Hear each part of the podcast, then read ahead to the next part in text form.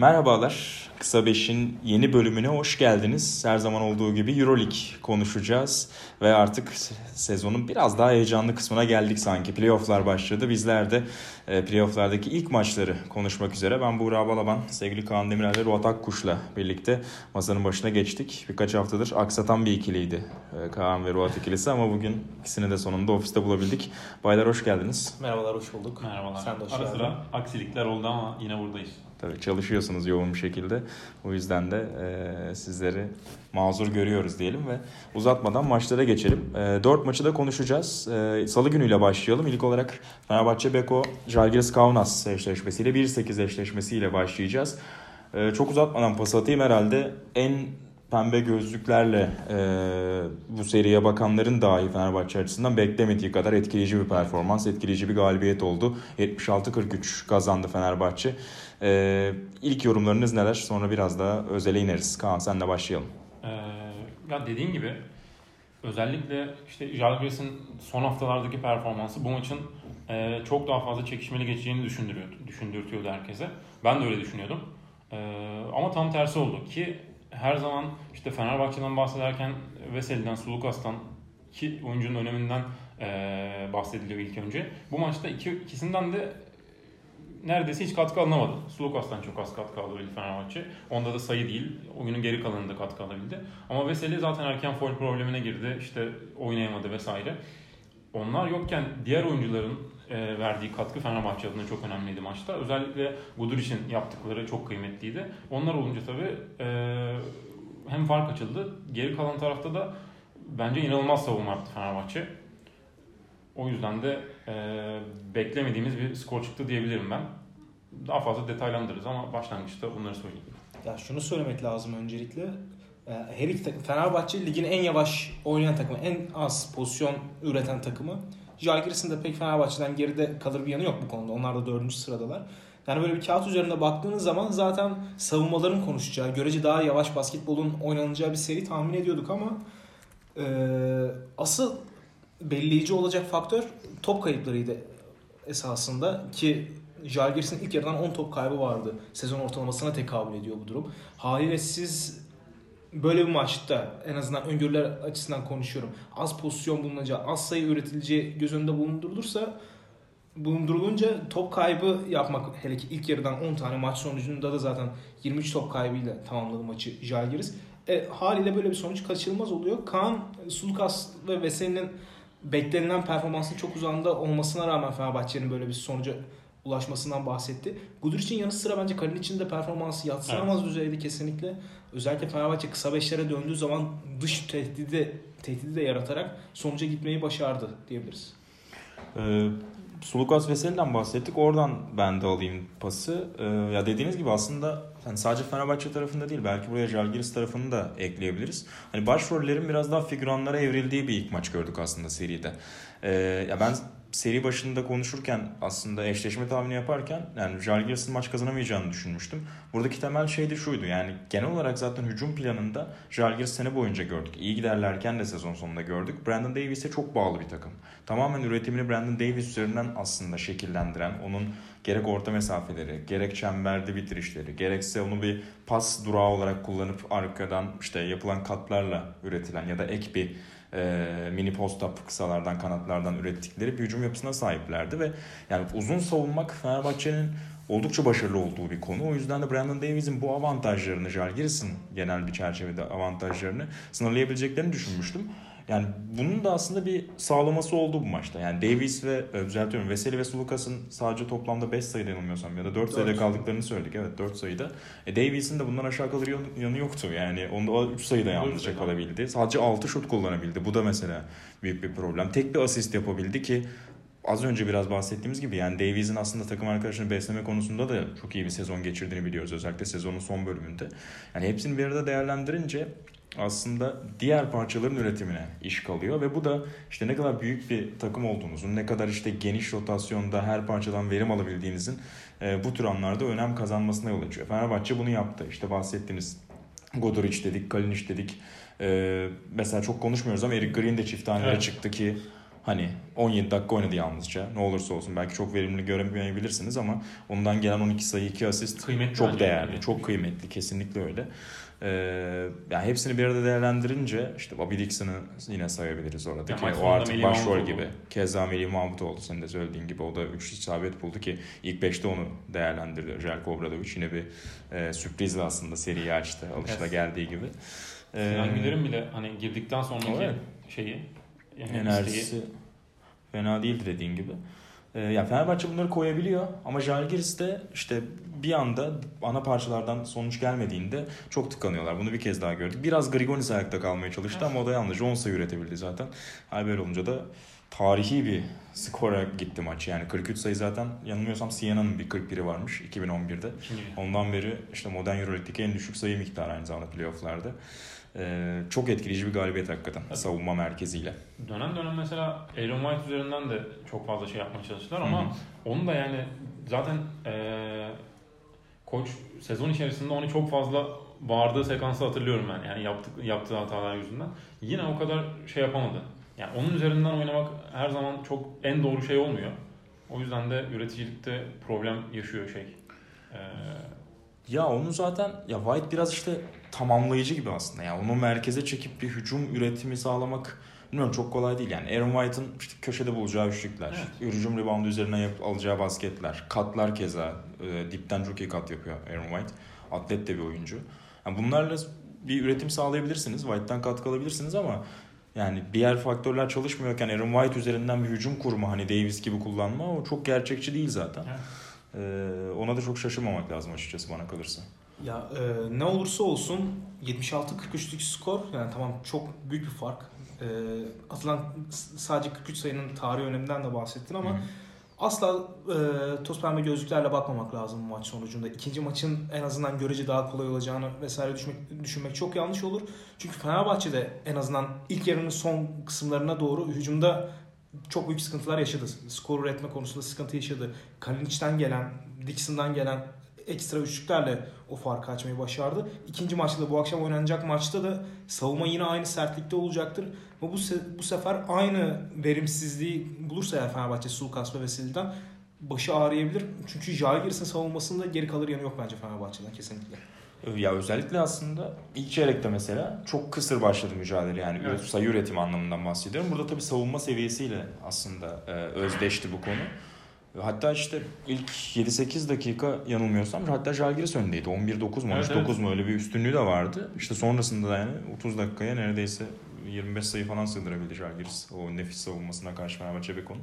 Ama dediğin gibi yani burada hani sonuçta bir boksör örneğinden yola çıkmak gerekirse yani sırtı artık iplere dayandı Žalgiris'in. Yani bu şekilde abandone olup maçı yani knockout olup maçı kaybedebilir ya da son bir canraş bir şekilde bir reaksiyon olacaktır. Yani şunu 3 maç üst üste ben serinin son bölümünde alırım hesabına girmesi çok gerçekçi olmaz Žalgiris kanusunda. O yüzden bu akşam Murat'ın da dediği gibi yani o akşamki o afallamayı dün gece ilk maçta gördüğümüz iki gün önceki daha doğru bir söylemle ilk maçta gördüğümüz o afallamayı bence biraz atmış olabilirler. Biraz daha o canhıraş şekilde e, ekstra bir çaba görebiliriz ki hani Yaskevicius'un da motivasyon konusunda sorun yaşamayacağına herhalde enfikirizdir.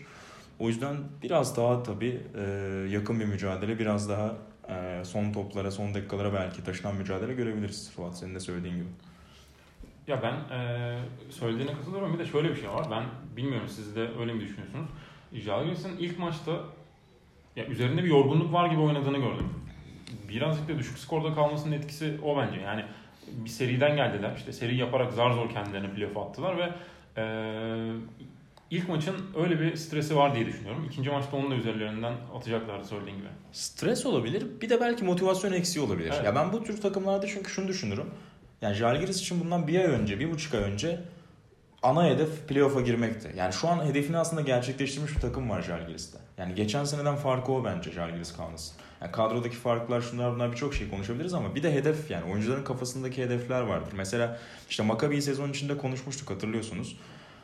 Bazı noktalarda işte ard arda 3-4 maç kazandıktan sonra yani o ayağa kalkmayı gerçekleştirmiş, o hedefini gerçekleştirmiş bir takım vardı ve hani sanki rakibi çok çok güçlü olmasa dahi hani playoff yarışında olan bir rakibiyle oynuyor. Atıyorum galiba Baskonya maçıydı. Hani bunu kazansak da çok problem olmaz kafası. Ya bilinç altında oyuncular bunu muhtemelen düşünüyorlar. Yani burada da bence bu seride Fenerbahçe Beko'yu kaybettiğinde kimse Jalgiris için başarısız demeyecek. Evet. Onlar için ne olursa olsun sezonun hikayesini değerlendirdiğimizde, ilk aylarını da hatırladığımızda bu başarılı bir sezon. Bir şekilde girdiler playoff'a. O yüzden o motivasyon eksikliği de ilk maçta hissedilmiş olabilir. Senin dediğine ek olarak Kaan. Yani motivasyon eksikliği kısmına kesinlikle katılıyorum ki burada biz de zaten e, Jalgiris Kaunos'un playoff'a girme ihtimalinin görece daha düşük olduğunu Evet. söyledik defalarca. O Tabii. konuda da bir özür borçluyuz galiba Şaras'a. Yani motivasyon eksikliğinden bahsettin. Oradan alacak olursam yani başka bir koç ol- olmuş olsaydı eğer Jalgiris'in başında nispeten daha kolay bir seri devamı gelebilirdi Fenerbahçe Beko için ama karşınızda Şarnas Eskevicius varsa geçen sezon normal sezonda o Ataşehir'de oynanan maç aklımıza gelsin. Final Four'da oynanan maç aklımıza gelsin. Eldeki malzeme belki değişti ama aşçı hala aynı. Yemeği yapacak kişi hala aynı ve bence hiçbir şey değişmedi. Güzel, bir benzetme. Şu an tebessümlerle karşılandı. Çektin şu an. Podcast odasında bu benzetme. Ee, çok kısa kısa e, kısalardan aldığı katkıyı da sorayım Žalgiris'in. Yani sezon boyunca zaten istediği üretkenliği sağlayamadığını e, guardlarından söylemiştik Eskevicius'un. İlk maçta da işte Walters, Volkap ve Westerman üçlüsü ortalama hepsi 17-18 dakika civarında parkede kaldı ve toplamda 12 sayı üretebildiler. Yani ana oyun dağıtıcılarınız, ya evet Brandon Davies tabii ki Žalgiris'in hücumunda ama sonuçta kısaların üretimi her takım için önemlidir. Yani 3 oyuncudan böyle bir zayıf skor katkısı almak herhalde Yani, bazı şeyleri de açıklıyor burada. yani Fenerbahçe'de Guduric ve Kalinic'in attığı toplam sayıya denk gelecek neredeyse şey e, Jalgiris'in attığı sayı. Aynen öyle. O üç kısanın Aynen. attığı sayı. Toplamanı değil bu arada bir tanesi. Ya, yani. bir tanesi. Aynen. Hatta işte Guduric daha fazla atmış mesela. Yani bunları değerlendirince tabii çok da e, şaşırmamak gerekiyor. Evet. Maçta ilginç bir not da Grigonis'in servis atış serisiydi bu arada. Evet bu ya. maça 58 tane mi üst üste atarak? 54 galiba evet. El, not almıştım. Üst üste 54 servis atış sokarak gelmişti. Bu sezonun en iyi servis atış kullanan da oyuncusuydu Grigonis. Ama 3. çeyrekte üst üste 2 tane kaçırdı ki yani o da aslında Jalgiris'in nasıl Evet. yani. dağıldığını, ambeli olduğunu, o savunma karşısında nasıl boğulduğunu da bence gösteriyor. Yani mental olarak rahat bir kafada olmadıklarını e, maç boyunca bir örnek olarak bence alabiliriz o serinin böyle bozulmasından. Ee, var mıdır eklemek istediğiniz bir şey bu maçla ilgili? Yavaş yavaş diğer Yok, serilere doğru geçelim. Ee, bir diğer not olarak da Siena'dan bahsettik playoff tarihiyle alakalı. Jalgiris'in kulüp tarihi açısından da Euroleague'de kaydettiği en az sayıymış 43. Ee, onun da notunu düşmüş oldum. Ee, Obradovic ve Fenerbahçe Beko savunmasına bir kez daha şapka çıkarmış oldum. Ve günün e, salı gününün ikinci maçına, e, diğer maçına daha doğru bir tabirle geçelim. Ceska Baskonya e, serisi o günün bir diğer eşleşmesiydi. İlk yarıda çok yakın bir aslında mücadele vardı. Çok kafa kafaya bir mücadele vardı ama 3. çeyrekte özellikle Sergio Rodriguez'in e, dümene geçmesiyle müthiş bir 3. çeyrek oynadı Sergio Rodriguez. E, çok da iyi üçlük attı o çeyrekte. Galiba 7 üçlük isabeti buldu Ceska tek bir çeyrekte, 3. çeyrekte. Ve farkı da zaten 15 civarına çıkarıp e, bir daha Baskonya'yı yaklaştırmadı. Çok tehdit altına düşürmedi maçı. E, tıpkı Fenerbahçe Beko gibi onlar da gayet rahat kazandılar. 94-68'lik skorla. Ee, Buna da istersen Ruat senle başlayalım. Ee, Biraz aslında hani Baskonya'nın da ritim bularak girdiğini serilere, playoff'lara söylemiştik. Ceska'nın e, sezon ortasındaki o durgunluğunu attığını e, playoff öncesinde yine söylemiştik. Biraz ivmesi yukarıya bakan iki takım aslında karşı karşıya geliyordu ama Ceska kendi evinde umutlandırmadı Baskonya'yı diyebiliriz herhalde. Yani şöyle başlayayım. Baskonya takım olarak neye ihtiyacı varsa o anda onu elde edebilecek bir potansiyele sahip. O anda savunması savunma yapma yapması gerekiyorsa bunu hat safhaya çıkartabilir. Skor üretmesi gerekiyorsa CSK'nın oynadığı topu oynamaya gayret edebilir. O potansiyeli var ama yetenek tavanı bir yerden sonra onları engelliyor. Yani ilk yarı itibariyle esasında maç başa baş gitti. Yani denk bir oyun izledik ama senin de söylediğin gibi 3. çeyrekte gelen üçlükler, Clyburn'dan, Kurbanoğlu'dan gelen üçlükler ki bu isimler iyi sezonlar geç, iyi sezon geçiriyor olabilir ama yayın gerisinden e, yüzdeleri o kadar da iyi değil en azından. Bunlar arda arda gelince Fenerbahçe Jalgiris maçı örneğinde konuştuğumuz gibi bir demoralize olma durumu söz konusu tabii ki. Ama yani yine Fenerbahçe Jalgiris maçı maçından verdiğim örneği söyleyecek olursam kesinlikle bir net bir resim çizmedi bence bu maç bize. Baskonya bu maçta verebileceğinden daha fazlasını ortaya koyabilir ama CSK'nın 94 sayısı yani gerçekten etkileyici ve böyle bir seviyede 94 sayı yiyorsanız eğer ne olursa olsun sizin maçı kazanma şansınız çok çok düşük. Baskonya'da öyle yenik düştü açıkçası. Kesinlikle öyle güzel özetledin. Ee, ya sezon hikayesi aslında e, CSKA Moskova'nın beklentilerin çok ötesinde gelişmişti. Yani kağıt üzerinde sene başına baktığınızda bu takımın özellikle hücum taşıyıcılarının elbette Sergio Rodriguez ve Nando De Colo olmasını beklerdiniz. Diğer parçalarında onlara tamamlayıcı rolde faktör olmasını beklerdiniz ama sezon boyunca bunun aksine bir e, durum Evet. gördük. Hatta soyunma odası problemleri olduğuna dair de birçok şey yazıldı çizildi Tudis'le e, bu iki yıldız arasında. Ve aslında Higgins de Clyburn'un sürpriz bir şekilde yıldızlaştığı ve hatta işte birçok Euroleague takipçisi için de yılın beşlerine aslında adlarını yazdırdıkları sezi, seriyi gördük. Bir normal sezon gördük. Evet bu yani nasıl söyleyelim ağır işçilerin ana role geçmesi güzel aslında. Demokratik bir yapıyı belki müjdeli olabilir ama playoff'ta işler sıkıştığında bazen o yıldız dokunuşuna da ihtiyaç duyabilirsiniz. Yani Higgins ve Clyburn tavanının sizi sınırlayabileceğini düşünebilirsiniz. Bu yüzden ana soru aslında De ve Rodriguez ne kadar devreye girebileceğiydi ve ilk maçı itibariyle de hani biz buradayız'ı hatırlattılar herhalde. Yani bu sahneler bizim sahnelerimiz dediler sanki ki maçtan sonraki açıklamada da galiba e, Sergio Rodriguez mi yoksa Clyburn mi birinden bir galiba Clyburn söylemiş. Yani bireysel şeyleri, düşünceleri bir kenara attık. Herkes hedefin ne olduğunu farkında gibilerinden bir cümle kurmuş. Biraz yorumluyorum şu an tam kelimesi kelimesini hatırlamıyorum. Not almamıştım. Ama bu da aslında sanki satır arasında şunu söylüyor. Aynı zamanda şunu da söylüyor. Yani savunmada herkes dirençli olduğunda, herkes katkı verdiğinde zaten başka bir seviyeye çıkıyoruz diyor. Sanki orada da hani De Colo ve Rodriguez'in normal sezona oranla çok daha işi ciddiye aldığını hani belki lafla söylemiyor ama hani cümlelerin, kelimelerin biraz satır arasında okumak istersek sanki böyle yorumlar çıkıyordu. E, hakikaten de onu gördük işte. De Colo 11 attı. E, Rodriguez 19 attı ki 6'da 5 üçlük gibi bir e, harika karne ortaya koydu.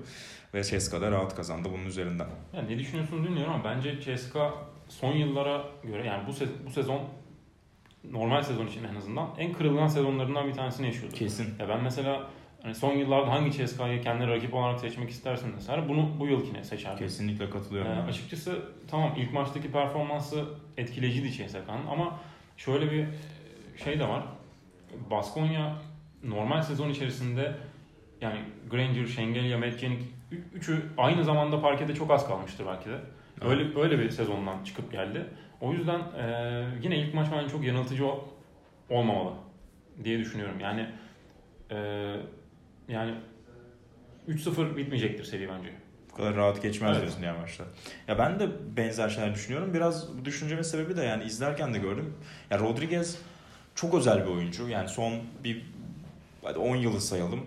İşte eskilerden 2000'lerin ortalarını hatırladığımız işte Papalukasların, Diamantidislerin, Sponislerin damga vurduğu bir Euroleague vardı. Sonrasındaki o geçiş dönemiyle birlikte işte Yui, Rodriguez hatta aynı takımda da onları bol bol izledik. En özel guardlarından iki tanesi ligin. Tabii ki Sponis'in de yine bu dönemde olduğunu biliyoruz ama yani Rodriguez hakikaten oyuna damga vurmaya başladığında, ipleri eline aldığında ve iyiyse o gün, iyi günündeyiz, şutları giriyorsa gerçekten durdurulmaz bir hal oluyor. Yani ya faal oluyor, ya acayip şutlar sokuyor, ya takım arkadaşlarını bomboş bırakıyor çemberin altında.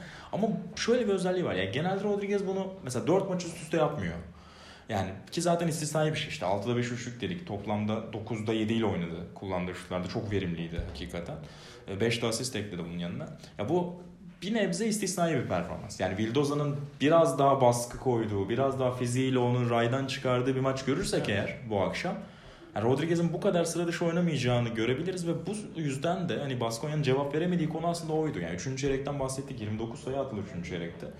Ve tamamen düzeni bozulan Baskonya'da sadece 12 sayıda kaldı ve aslında tek bir çeyrek maçın sonucunu belirledi bence. Evet bence de. O yüzden de yani ben de aslında sizinkine benzer şeyler düşünüyorum. Yani Vildoza'nın biraz daha iyi bir gününde olduğunu görürsek. Çünkü savunmada o kadar da alışılageldiğimiz o hırçınlığında değildi bence Vildoza. Değil de sezon belki hücum, baya baya ö- değil mi? Bence de. Yani Bayağı belki hücumdaki e, yaşadığı sorunlar da etkilemiştir. 5 sayıda kaldı yalnızca. 2 asist 5 sayı üretebildi. İşte o Ertas yine 5 sayıda kaldı ki o da sezonun sonunda iyi getirmişti yine. E, tüm bunları ekleyince biraz daha iyi bir, e, biraz daha dirençli bir Baskonya görebiliriz. Yani bir numaralarından biraz daha katkı alabilirse. Çünkü tamamen e, işler forvetlere düştü Ceska'ya karşı. İşte Hilliard ve Shields zaten toplam 30 sayıya yakın attılar. 29 sayı attılar. Biraz daha işte Vildoza'dan katkı lazım. Elbette Şengelya'dan katkı lazım ama Şengelya'yı da suçlamak herhalde bir şey haksızlık olur. Yani 3 ay 4 ayı sakat geçiren bir oyuncudan bahsediyoruz. Niye sadece işte 6 sayıda kaldı bu takımın en önemli yıldızı demek geçmişi unutmak olur bence. O yüzden de ona çok fazla bir pay yükleyemiyorum ama biraz daha belki belki hani Belki kendi evindeki maçta, evet. ya da hani bu Esa'daki maçlarda biraz daha devreye girdiğini görebilir Şengelya'nın. Ama ikinci maçta bir numaralardan katkı lazım ona şüphe yok. Ya hem öyle hem de Ceska adına konuşacak olursak sadece Rodriguez'in yıldızlar arasında konuşuyorum orada. Ceska'nın yıldızlar arasında konuşuyorum.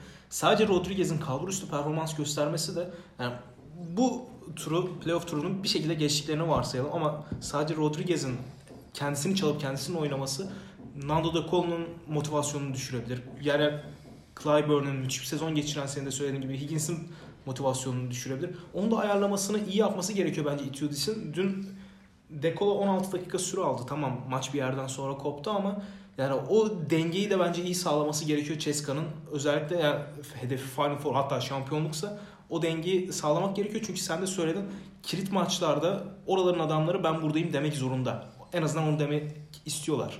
O anları hissediyorlar. Kesinlikle öyle. Ee, işte De Rodriguez, Clyburn ve Higgins'ten çift taneli katkı aldılar. Kurban da yine 10 sayı attı. Ya bu rüya bir tablo. Ya bu dört büyüğünden tırnak içinde. Yani çift taneler almak herhalde Idiodis'in hayalini süsleyen şeydir ama bu her zaman bu kadar kolay olmuyor. Yani her kağıt üzerinde herkese çift taneli yazmak belki kolay ama saha içinde her oyuncuya aynı ritim içerisinde pozisyon üretmek çok kolay olmayabiliyor. Senin de bahsettiğin gibi işte sezonun ortalarında da mesela Dekolo'nun işte 12-13 dakikalarda sınırlandığı maçlar hatırlıyoruz. O dönemki ruh halinde Fransız'ın hatırlıyoruz. Yani çok da memnun değildi bu durumda. Bunu biliyoruz. Yani sürekli 10-15 dakika süre vererek Dekolo'yu Final Four'a mutlu götürebilir misiniz? Çok emin değilim açıkçası. Bir yandan tabii ki onun yarattığı sorunlar da tırnak içinde belki işte belki savunma tarafında belki hücumda çok bireysel oynamasıyla alakalı. Ee, Itudis düşündürüyor olabilir ama bir, ne- bir noktada yani onun da işin içine e, hani dakika olarak belki biraz daha rolünü arttırarak sokmak gerekiyor. Çünkü sadece 5 top kullandı De Colo ve eh, yani bilmiyorum. Çok memnun değildir. Harbiden Tahmin yer ediyorum. denilecek bir performans yani. Yani performans demeyeyim de en azından öyle bir rol biçilmiş durumda geçtiğimiz maç üzerinde. Sen diyorsun sen e, Final Four'a Nando De Colo'yu mutlu bu, şekilde götürebilir misin diye sordum. Daha önemlisi seneye Nando De Colo'yu bu şimdi böyle oynatarak takımda tutabilir misin? Bu en kilit soru as- aslında. Daha da önemlisi takımın başında kalabilir misin? Aynen. Bununla ilgili de bu arada hafta başında e, Rus medyasından bir e, haber kaynağının röportaj varmış Başkan Vatutin. E, satır başlarından biri de şey e, bir işte koçun takımını şampiyon yaparsa eğer kontrat uzatmamasına dair bir ihtimal pek göremiyorum. Hani o istemezse eğer kontrat uzar gibi bir şey diyor ve yani demek istediği şu şampiyonluk dışında Evet, Itudis'in önümüzdeki sezon takım başında kalmayacağı aşikar artık. Zaten bu çok konuşulan bir şeydi. Hatta işte sezon ortasında bile değişebilir mi soruları sorulmuştu. Vatutin'in aklı net gibi bu konuda. Yani tek bir çarem var. Şampiyonluk diyor. Ee, Rus medyasında tam da playofflar öncesinde bunu söylüyor Vatutin. Ee, Itudis de bunun farkında. Bakalım. Bakalım ne olacak. Ee, Ceska adına Itudis'le bu çok bilinmezli denklemde bakalım bir şampiyonluk yürüyüşü çıkacak mı hep birlikte göreceğiz. Bu arada şunu da söyleyeyim. Yani işte 3. çeyrek ve 4. çeyreği de bunun içine katabiliriz. Hakikaten çok iyi bir top trafiği vardı. Yani biraz hani karamsar gibi konuşmuş olabiliriz ama Ceska çok iyi bir gün geçirdi. Onu söyleyelim. Sadece hani roller anlamında hani belki biraz daha işte hani De Colo'nun sorumluluk almak isteyebileceğini sadece tahmin ederek konuşuyoruz. Yoksa hani vücut dilleri mesela parkede gayet iyiydi. Ya tabii ki 20 sayı öndeyken biz de hani Bostancı'da biz de çok mutlu oynuyoruz. Yani farkı biraz açtığımızda o ayrı konu ama e, De Colo ile Rodriguez'in birbirine hazırladığı pozisyonlar, çok güzel ikili oyunlar, paslar hani izleyenler hatırlayacaktır. E, şu an bir problem yok gibi ama bir şok etkisi olursa, burada bir maç bırakırlarsa, bir birle Vitoria'ya Ya gidilirse sezon içerisinde başka şeyler olabilir Normal işte. sezon içerisinde kötü giden maçlarda Dekolo'nun kenara gelirken gibi vücut dilini hatırlıyoruz sonuçta. Ve her zaman da bu pas trafiğini yaratacak konuda olamayabiliyorsunuz playoff ortamı neticesi, neticede. Yani en nihayetinde kilit oyuncularınızın e, iyi performanslarına ihtiyaç duyuyorsunuz. Mutlaka öyle. Ee, bakalım bu akşam nasıl bir performans olacak ama Baskonya için yani bugün 2-0 olsa da bence yani Baskonya'nın seri bitmiş olmayacak. Yani Evet. Boyasa'da sonuçta Final Four'a bir ay sonra ev sahipliği yapacak orada da herhalde tüm halk orada salonu dolduracak bir şekilde orada işin içine girip 2-2'ye getirmeye çalışacaklar seriyi. Ama ne olursa olsun tabii Ceska adına düşündüğünde yani bu maçı bırakırlarsa eğer yangın yerine döner herhalde ortalık e, İspanya'daki maçlarda. Başka bir notunuz var mı? Devam edelim mi? Evet, Çarşamba maçlarına edelim. Arzu ederseniz geçebiliriz. Ee, Anadolu Efes Barcelona Lassa ile karşı karşıya geldi çarşamba akşamı. Ee, yakın bir maç oldu. Yani salı akşamı maçların biraz erken koptuğunu görmüştük. Çarşamba akşamı ise çok yakın iki maç gördük. Ee, Anadolu Efes 75-68 kazandı. İki e, kısasından, iki hücum taşıyıcısından Larkin ve Mitsic'den çok çok iyi katkı aldı. Larkin 12 sayı üretti. Mitsic 21 sayı, 7 asist üretti. Ee, ki hakikaten bu sezonki en iyi Mitsic'lerden bir tanesiydi bence. İlk aylardaki o performansını hatırlattı dün. Ee, bir de yanına tabii Dunstan'a parantez açmak lazım. Enfes bir savunma yaptı Dunstan. Ki Tomic'e oranla nasıl bir fizik dezavantajı olduğunu konuşmuştuk seri öncesi yaptığımız yorumlarda. Zorlandığı da bir eşleşme aslında. Ee, ama işte Dunstan yani bu tür sahnelerde, büyük sahnelerde çok büyük oynamayı başarıyor her zaman. Bir tane pozisyon var ikonik onu anlatıp sonra size pası atacağım. Tomic'e e, ya hücum faal ya hatalı yürüme çalınan bir pozisyon var ya da şut saati de olmuş da olabilir son çeyrek ya da üçüncü çeyrekte. Top kaybı yani sonuçlandı ama arkasında çok zorlandı. Yani Tomic sırtı yasladığı anda o 2-17'lik cüsseyi hakikaten çok zorlanıyor Dunstan haklı olarak. Bir şekilde onu durdurdu. Top Efes'e geçti. Ve yani Dunstan yüzünü görmeniz lazım. Normalden çok vakur, hep işini yapan, çok sakin bir karakterin nasıl bir çılgınca o çığlığın içinde bulduğunu e, hakikaten dünün bence karelerinden bir tanesiydi o. Dirsek Ee, pozisyonu hangi çeyrekteydi? Dirsek İlk yarıdaydı. İlk değil İlk yarı mıydı? Evet. Ya iki ya üçüncü çeyrek. Üç de olabilir. Oradan sonraki Dunstan inanılmazdı. Acayip. Pe- peşine evet. üçlük attı. Evet. Aynen, Seri. aynen, aynen. Galiba üçüncü çeyrek ya. Galiba üçüncü çeyrek. Ee, bir de üçlük attı hakikaten. Isınmada sol dipten en son işte 3 dakika kala ta- takım tanıtımları için pardon 7,5 dakika kala takımlar bence gidiyor. Orada son anda bir tane top gördü. Sol dipte aldı topu. Bir tane üçlük denedi. Girmedi. Bir daha aldı. Hani takım bu arada koçun yanındaydı bayağı. O tek başına kaldı ki normalde yapmaz. Kısalarını yaptığını görürüz. Hani Lerkin'in Bobo'nun falan. Bekledi topu aldı bir daha. Bir daha şöyle bir yere vurdu. Bir daha attı girdi bu sefer de. Allah Allah niye üçlük deniyor acaba falan. Sonra cevabımı aldım maçın Maçtan içerisinde. sonra da şey dedi işte e, soruldu üçlük attı falan şey dedi. E, hoca hazırlamıştı onu daha önceden dedi. Yani herhalde soru 3 yıldaki ilk şakası diyebiliriz. Hiç hatırlamıyorum çünkü röportajlarında miza unsurunu. Peki ben çok uzun konuştum. Ee, sizlerle başlayalım. Kaan neler gördün akşam? Ee, sonrasında Ruat'a döneceğim.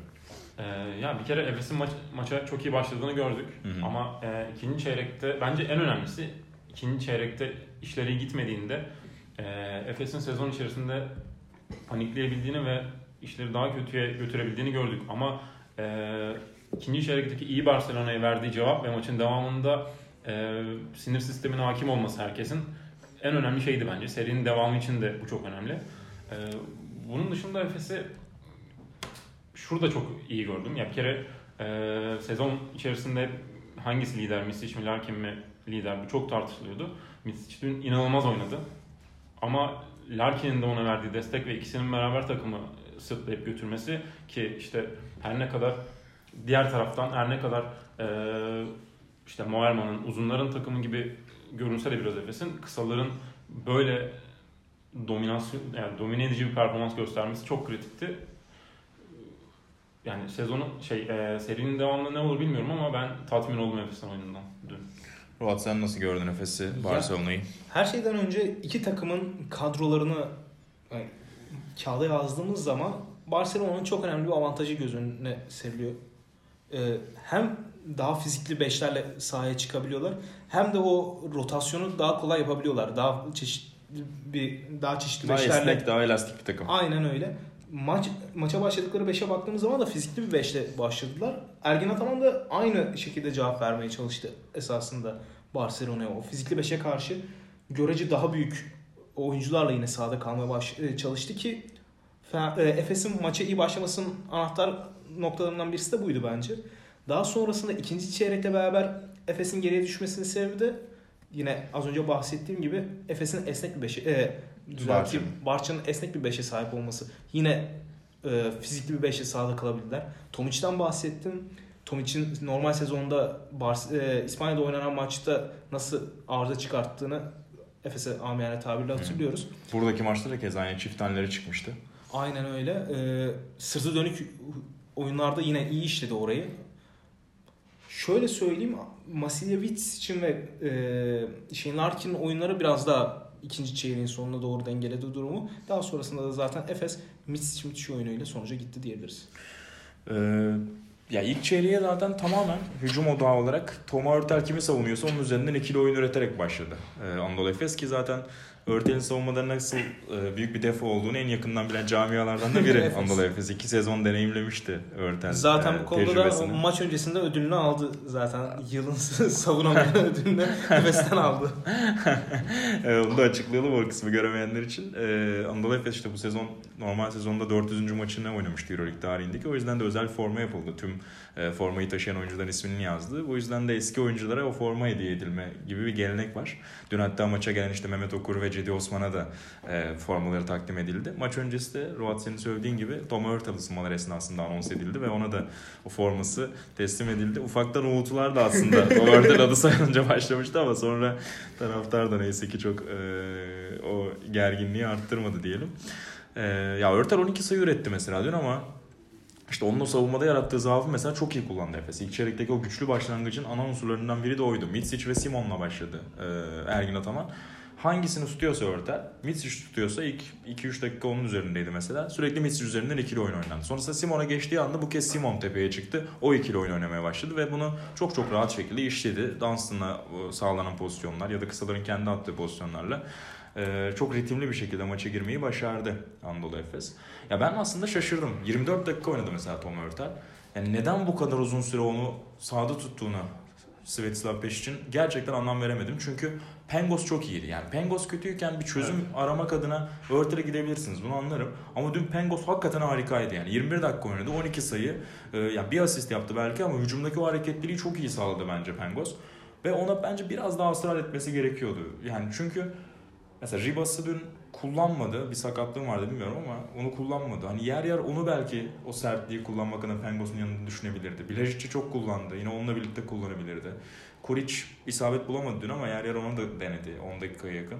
Yani bu şekilde bence bir ikiliyle ya da Hanga'yı ikiye çektiği de oluyor fiziklik almak istediğinde.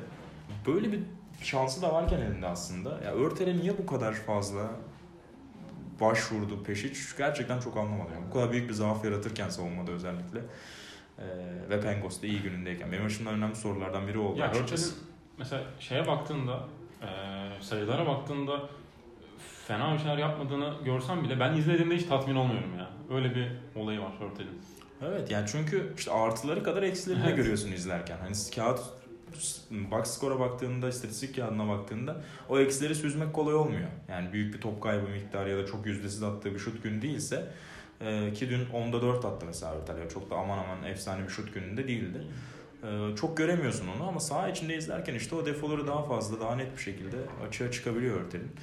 E, ben de sana katılıyorum yani o konuda çok etkileyici görünmedi. Ne kadar 12 sayı 5 asist gayet iyi görünse de.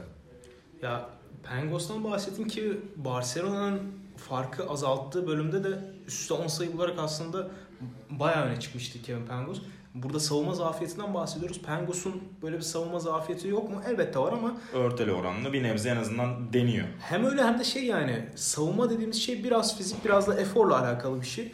Örtel'de ikisi de yok. Pengos, Pengos tamam yine fiziksel olarak sıkıntı yaşayabiliyor ama en azından o eforu sergilediğini görüyorsunuz.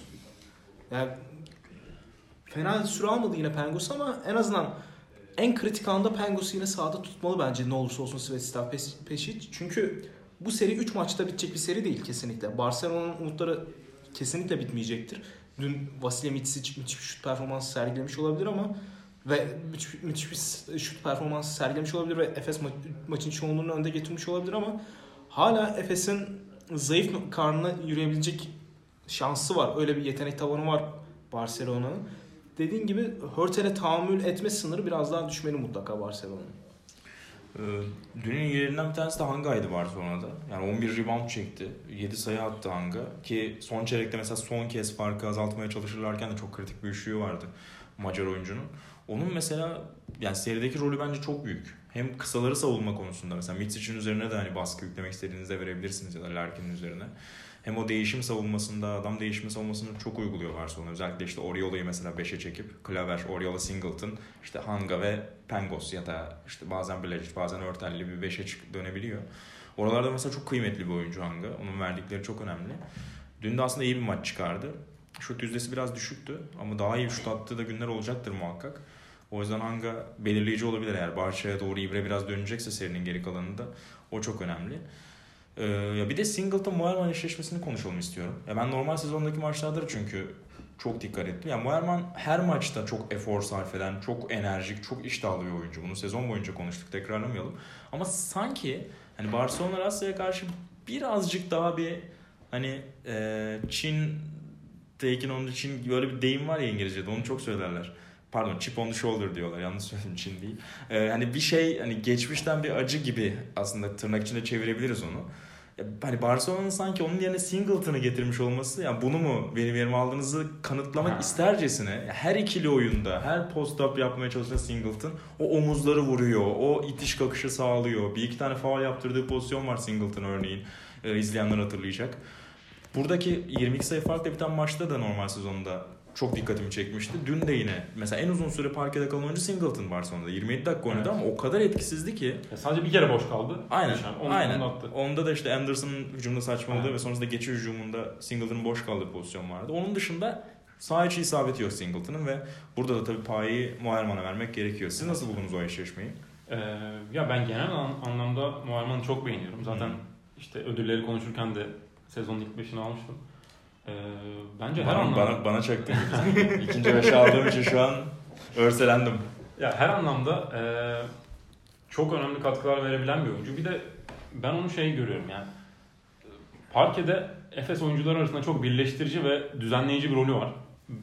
O çok keyif verici bir şey bence. İzleme, izleme, izlemek açısından çok keyif verici bir şey. Dediğim gibi eşleşmede de yani Singleton'ın eşleşme- eşleşmesinde de bir an bile nefes aldırmadı.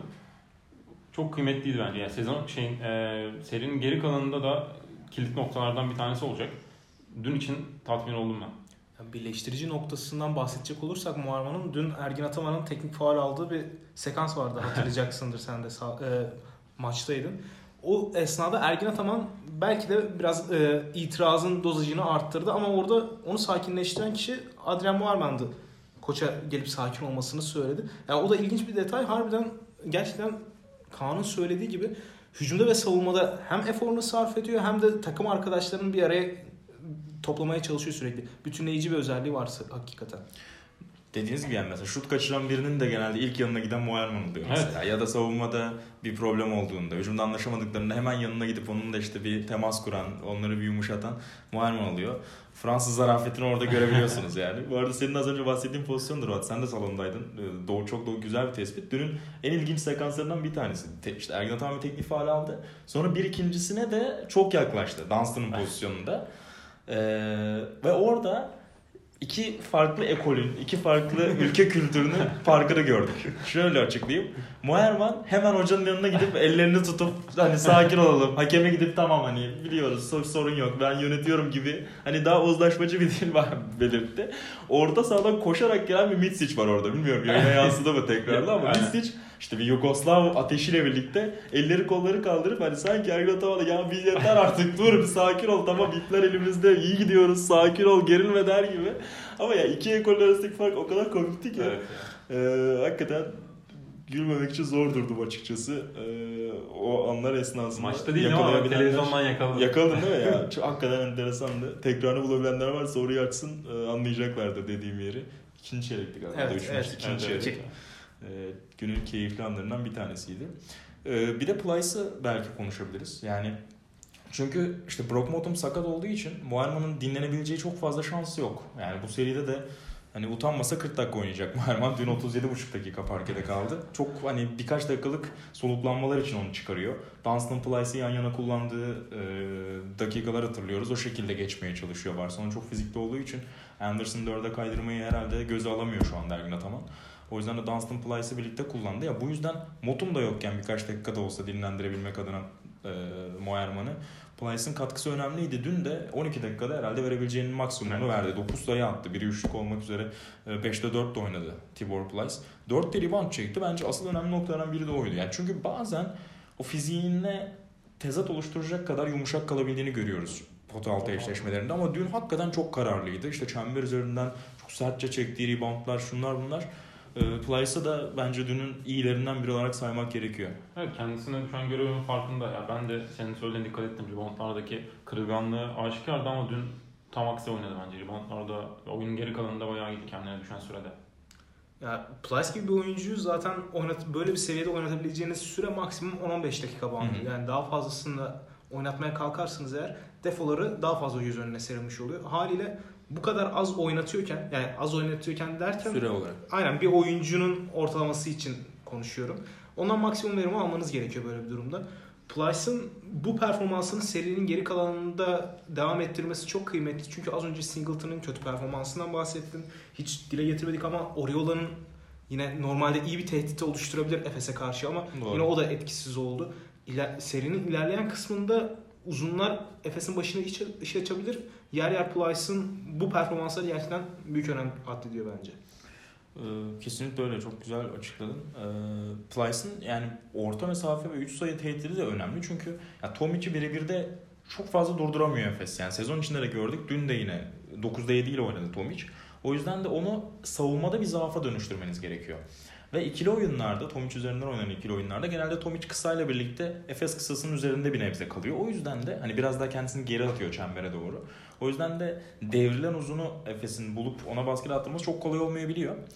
Ee, bu yüzden de işte orta mesafede ya da yayın gerisinde boş kalmak. Dün işte Dunstan mesela üçlük buldu. Nasıl buldu? Çünkü Tomic çembere kadar atmıştı kendisini. Hani oradan bir şut beklemediği için.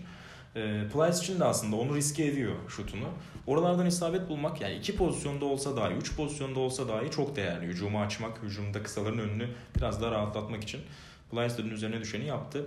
Simon mesela çok şut e, yüzdesi olarak çok düşük bir gün geçirdi dün. Onda bir attı yalnızca Kurnoslan Simon. Ama onlar hemen 32 dakika parkede kaldı. Çünkü işte savunma direnci olsun. Bu sene birkaç e, vites yükselttiği savunma direnci olsun. Fizik şeyi, reboundlara yaptığı katkı ve oyun aklı tabii. O top çevirmedeki, e, top trafiğindeki rolü de önemli. Simon'i de parkede tuttu. Simon da bu kadar kötü attığı bir gün herhalde görmeyiz diye düşünüyorum. Yani onun da bir sezonun geneline çok aksi yönde bir.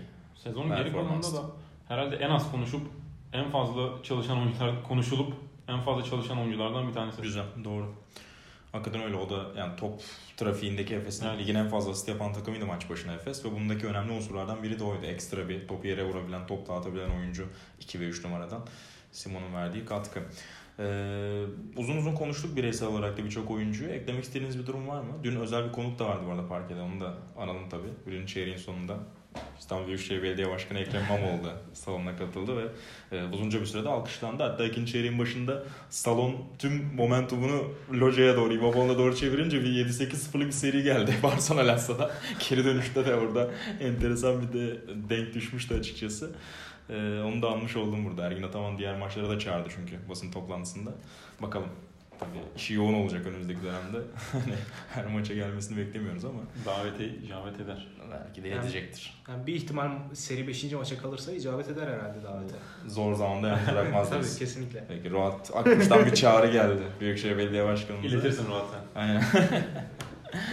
Pekala. Ee, son maça o zaman geçelim. İlk maçların e, kapanışını yapalım. Yine çok çok yakın bir sona sahne oldu. 3-6 eşleşmesi Real Madrid Panathinaikos maçı.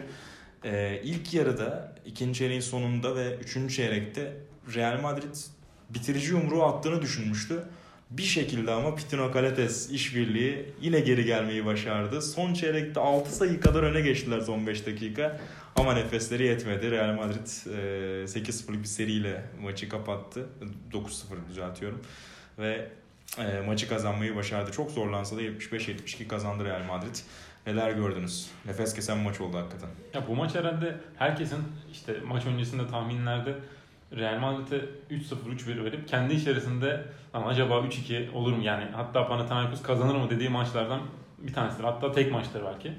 Ufak bir kesilme yaşadık galiba. Teknik sorun var ama şu an kaydediyor gibi görünüyor. Tekrar başlayalım. Real Madrid Pana serisini konuşuyorduk. Galates'ten bahsediyorduk. Kaan e, bir kez daha sana atayım pası. Ee, maçın kilit noktalarından bir tanesi tabii ki de Panathinaikos her zaman e, işte sezonun Pitino'nun geldikten sonraki kısmında olduğu gibi Kalates üzerinden hücum edecekti. Onun asistlerine çok düşecekti.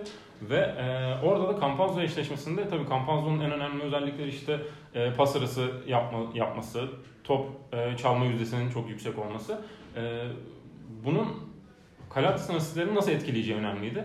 Ve aslında Kalates maça o kadar da iyi başlamadı. Yani sanırım ilk çeyrek sadece bir asist yapabildi. Maçın geri kalanında da sadece 4 asist yapabildi.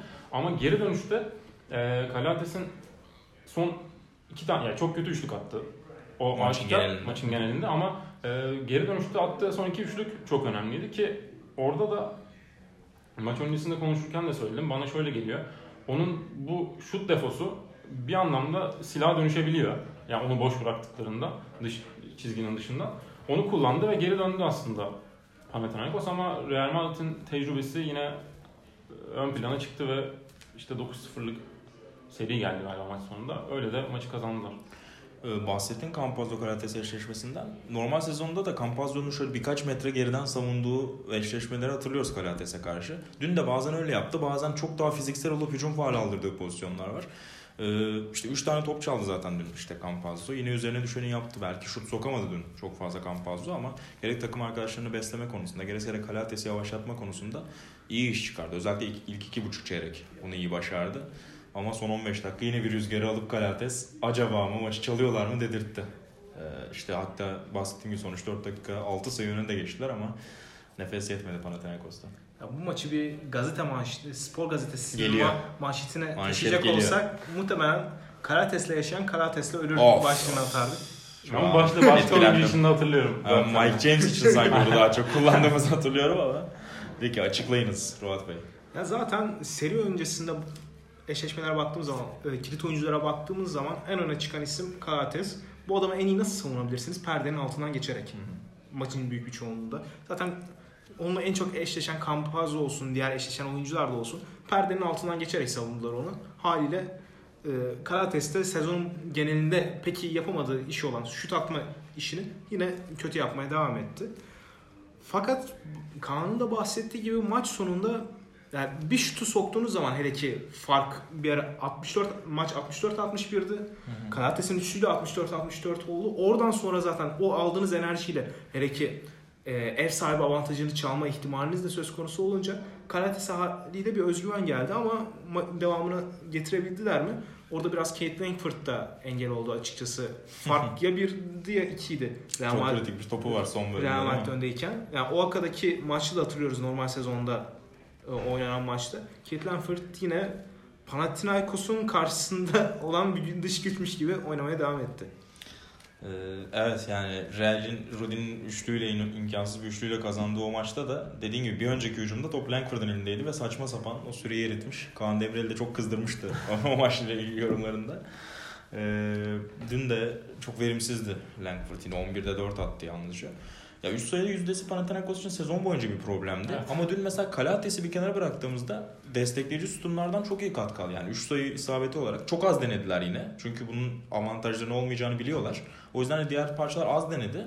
Ama işte mesela Papa Petru 2'de 2 attı. Lekavicius'ta Kilpatrick 1'de 1 attılar. İşte Deshaun Thomas 4'te 2 attı ama işte eline gelen en önemli topu son topta kaçırdı ki atsa uzatmaya gidecekti maç 75-72 iken. Tam da isteyeceği bir top, top bulmuştu tepede. Ama e, isabet çıkaramadı. Dünün Pitino adına sürpriz kartlarından bir tanesi de Yan Boyukas'tı. Yani Evet. bundan birkaç sezon önce Galatasaray formasıyla Eurocup'ta bile zaaf yaratan bir Yan Boyukas. Dün bir anda Real Madrid'e karşı faktör oldu. Ayon oyuna girdiği anda Boyukas'ı oyuna soktu. Posta bundan birebir hücumundan bir şekilde bir katkı aldı. Ya 10 sayı almak hani herhalde maçtan önce bize söyleseler bilmiyorum yani. Yani 10 sayı İnanılmaz. e kaç dakika oynayacak ki falan diye sorardık. Ama Boyukas bir şekilde 6 rebound çekti, 10 sayı attı ve faktör oldu. Hani Papayanis çok etkili olamazken.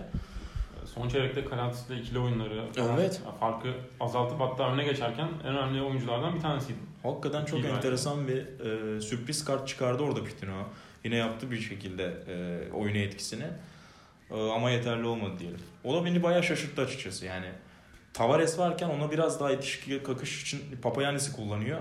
Ama Ayon girdiği anda işte Uyukas'ta öyle bir dengeleyici unsur yarattı. Ve enteresan da bir şekilde katkı aldı işte az önce söylediğim gibi. Ee, benim en çok şaşırdığım noktalardan biri oydu. Sen az önce Langford'a Ruat bir şeyler söyledin. Kilpatrick için de belki bir şeyler söylemek istersiniz. Çünkü yani sadece Kalates'ten beslenerek işte 20 sayı 15 asist almak sürekli olabilecek bir şey değil yani. Bu gerçekçi de değil. O yüzden de diğer parçalardan katkı lazım. Hücum olarak da tabanı en yüksek oyuncu belki de Sean Kilpatrick orada. Ama dün e, çok kötü bir gün geçirdi Pat- Kilpatrick. Zaten 13 dakika oynadı yalnızca. 5 sayıda kaldı. Belki ondan bir ekstra performans bekleyebiliriz e, ikinci maçta. Ne dersiniz? Ya Kalatis'in e, bu performansı devamlı olarak hep devam etse bile ya onun maç kazanmanın garantisi olarak göremeyiz yani sonuçta. Ya aynı şey işte e, ne bileyim başka takımlarda da geçerli. Mutlaka birisinin yardım etmesi, birisinin daha skor üretmesi gerekiyor. Kilpatrick burada en öne çıkan oyuncu ama yani şu se- sezonun geri kalanında da bunu çok göremedik. Playoff'ta görebileceğiz mi bilmiyorum ama olması lazım yani. Birkaç maçta sadece dediğin gibi çok acayip katkı Evet. vermişti hücumda. Ee, ama ona ihtiyaçları var şüphesiz. Ya Kalates'le rakip savunmayı pasla delebilirsiniz bir şekilde. Onun iyi pasörlük öz- özelliklerini kullanarak ama bir yerden sonra topla da e, potaya giderek rakibi delmeniz lazım. Sean Kilpatrick burada bir önem addediyor ama ilk maç itibariyle senin de söylediğin gibi pek o konuda öne çıkamadı. Eğer ilk maç gibi bir senaryo yaşamak istiyorsa başa baş gitmesi açısından konuşuyorum. Sean Kilpatrick'in mutlaka e, rakip savunmayı delmesine ihtiyacı var Panathinaikos'un. Ee, ben de savunma baskısı anlamında Tanasis'i biraz daha kullanabileceğini düşünmüşüm Antetokounmpo'ya ama o da çok kötü başladı ya. Girer girmez saçma birkaç faul aldı. Evet. Ee, hiç faktör olamayacak gibi göründü. O yüzden onunla çok ısrar etmedi Pitt'in haklı Sadece 10 olarak. Papa Petru'ya daha fazla 30 dakika yakın süre vermek durumunda kaldı. Ee, Real Madrid tarafında e, peki sizin dikkatinizi ne çekti? Şöyle bir parantez açarak girizgah yapayım sonra size atayım topu. Ya işte Real, Ceska, Fenerbahçe, Beko bu üçlüyü yapı, tecrübe, son yıllarda beraber oynama alışkanlığı gibi unsurlarda aslında bir öbek olarak sayabiliriz Euroleague'de. Ve işte bu tür takımların fark yarattığı bir nokta oluyor. Ek faktörler, ek e, takımdaki roller. Şöyle açıklayayım. Mesela Real Madrid deyince aklımıza kimler gelir hani bu seneki kadroda? Real Madrid'in önemli silahlarını sayarken ilk aklımıza kimler var? İşte Yu'yu sayarız, Campazzo'yu sayarız, Tavares. Tavares'i sayarız, Rudy Fernandez sayarız, Carroll'ın işte şutlarını sayarız gibi gibi uzatabiliriz. Randolph'u elbette sayacağız. Şimdi bunların arasında saymadık değil mi? 5-6 oyuncu saydık. Ama- Jeff Taylor demedik. Kazör demedik. Fabian Cazo demedik. Trey Tompkins demedik. Ya bu üç oyuncu dün yani neredeyse her oynadıkları dakika o kadar etkililerdi ki yani Kozer 11 dakikada 12 sayı üretti ki ikinci çeyreğin sonunda işler kötü giderken skor dengeye gelmişken bir kez daha Real'i 7-8 sayı öne atan oyuncu Kozer'dü. Jeff Taylor inanılmaz bir savunma baskısı. 14 dakika 13 sayı. Aynen öyle. Kalates'i hataya zorladığı birçok pozisyon var. Top kaybına zorladığı. Ee, yalnızca dediğim gibi 14 dakika oynasına rağmen 13 sayı attı. Çok kritik şutlar soktu yine maçın kırılma anlarında Jeff Taylor. Ee, işte Trey Tompkins bir anda mesela 5 numarada farklı bir seçenek size sunabiliyor. Şut atabilen bir anda 5 şutörlü parkede kalmanızı sağlayabiliyor. Savunmada bir direnç koyuyor yine. Ee, Yani tüm bunları değerlendirince işte büyük takım dediğimiz algı biraz bu şekilde somutlaşıyor bence. Yani bu oyuncular mesela dün en skorer iki oyuncusu Kozor ile Taylor. Hadi buyur şimdi nereden çıktı değil mi? Yani hani Pitino sonuçta bu adamları da önlem alamaz. Yani işte Campazzo'yu alıyorsun, Randolph'u alıyorsun, Rudy'yi alıyorsun. E belli bir seviyede zaten önlem çıkarabilirsiniz bir seride. Diğer parçalar çıkıp 25 sayı attığında işte 3 sayıyla kaybedebiliyorsunuz yani. Zaten işte mesela Panathinaikos öne geçtiğinde, Real Madrid geri düştüğünde tekrar Real Madrid'in ayağa kalkabilmesini sağlayan şey de bu bence. Kesinlikle Yani öyle. Mutlaka başka parçalardan yardım geliyor ve işte Pablo Lasso bu yardımın geleceğini bir noktada biliyor ama rakip takım bunu tahmin edemiyor ya da önceden buna bir e, önlem alamıyor. Geçtiğimiz yılki Euroleague finalini de hatırlayan Hı. Fabian Kazor orada da Tabii öne çıkmıştı. maçında. Yani senin de söylediğin gibi ilk 5'i sayıyoruz. 5 derken yani takımın en iyi 5 En oyuncusunu akla gelen beşlisini sayıyoruz. E, Jeffrey Taylor ve Fabian Kazor 6. 7. sıralarda. E, Jeffrey Taylor'a bakıyoruz mesela aynı zamanda iyi de bir savunmacı. Hı hı. Rakip takımın Çok. e, topu elinde tutan oyuncusunu onunla eşleştirebilirsiniz rahatlıkla. Fabian Kazor sadece skorer kimliğiyle değil, perde çıkışı sonrası oyunu yönlendirmesiyle de bir, e, size belli bir düzeyde katkı verebilir. E, tüm bunlar varken maçın tamamında ve kritik anlarında özellikle de sizi iki adım hatta üç adım öne atabiliyor bu tarz oyuncular. 13 sayı attı dedik mesela Taylor. Şimdi bu sezonki maçlarına baktım. Bu sezon 13 sayı attığı tek maç var. Kariyerin yani bu sezonun zaten en çok attığı maçı bir Darüşşafaka maçı. Sezonun ilk haftası. Yani koca sezon dinlendi diyelim yani hanım hani savunma katkısı verdi. Arkadaşlarını da tamamladı. Onu yaptı bunu yaptı. Ama en kritik sahnede işte Taylor gibi, Tompkins gibi, e, Kozeo gibi oyuncular gerek playoff'ta gerek Final Four'da yani bu büyük sahnede çok fark yaratıyorlar. Ya oraları oynamayı çok biliyorlar artık. Çok deneyimliler, çok seviyorlar. O ateşten beslenmeyi e, alışkanlık haline getiriyorlar. Bu da tabii işte Real gibi, Ceska gibi, Fenerbahçe gibi takımların neden böylesine büyük olduğunu, neden zor yenilen takımlar olduğunu bizlere gösteriyor bence. Ve mesela Ceska'dan konuşurken De Colo'nun, Rodriguez'in, Clyburn'un, işte Higgins'in dakikalarını ayarlamanın ne kadar kıymetli olduğunu söyledik. Real Madrid'de bu denli büyük bir sıkıntı da yok esasında. Yok, evet. Siz Kazore veya Taylor'a bir maçta önceki maçlara nazaran daha düşük bir rol biçerseniz onun motivasyonundan hiçbir şey eksilmez. Hiçbir şey değişmez. Real Madrid'in en büyük avantajı bu belki de. Evet, belki onun tek Ayon'da yaşıyorlar o problemi. E, görebildiğimiz kadarıyla. Yani Tavares'in rolünün büyümesi biraz Ayon'un e, saha içindeki yüz ifadesini, vücut hallerini, Evet. tavırlarını etkiliyor gibi. Yani dün de sadece 2 sayı attı zaten 14 e, dakikada. Ama yani Tavares'te bu kadar büyük etki yaratırken tabii çok da şaşırmamak lazım yani Tavares'in kalabildiği kadar parkede kalmasına. E, diyebiliriz herhalde. Var mı başka notunuz? Yok gibi. Yani Pana yine bir şekilde şapkadan tavşan Evet. çıkardı. Bir şekilde maçın içine girdi.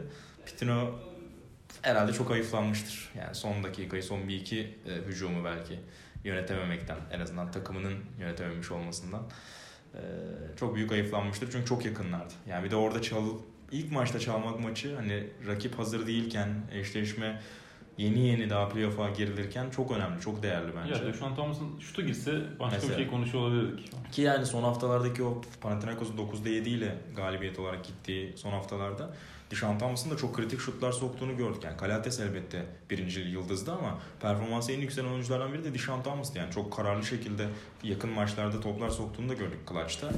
Ee, ama dün olmadı. Yani boş da buldu topu ama isabeti sağlayamadı. Dishon Thomas. Bakalım belki ikinci maçta bir şansı daha olacak Thomas'ın. Var mı ekleyeceğimiz bir şey yoksa yavaş yavaş bir saate yaklaşırken kapatalım mı? Playoff'ta ilk maçları konuştuk değerli dinleyenler. Ben Buğra Balaban, sevgili Kaan Demirel ve Ruat Akkuş'la birlikteydik bu podcast'te. Büyük bir aksilik olmazsa cumartesi günü ikinci maçları konuşmak üzere bir kez daha toplanacağız bu masada. Ee, o güne kadar e, dolu günler dileyelim. Keyfini çıkarın. Yeniden buluşmak üzere. Hoşçakalın. Hoşçakalın.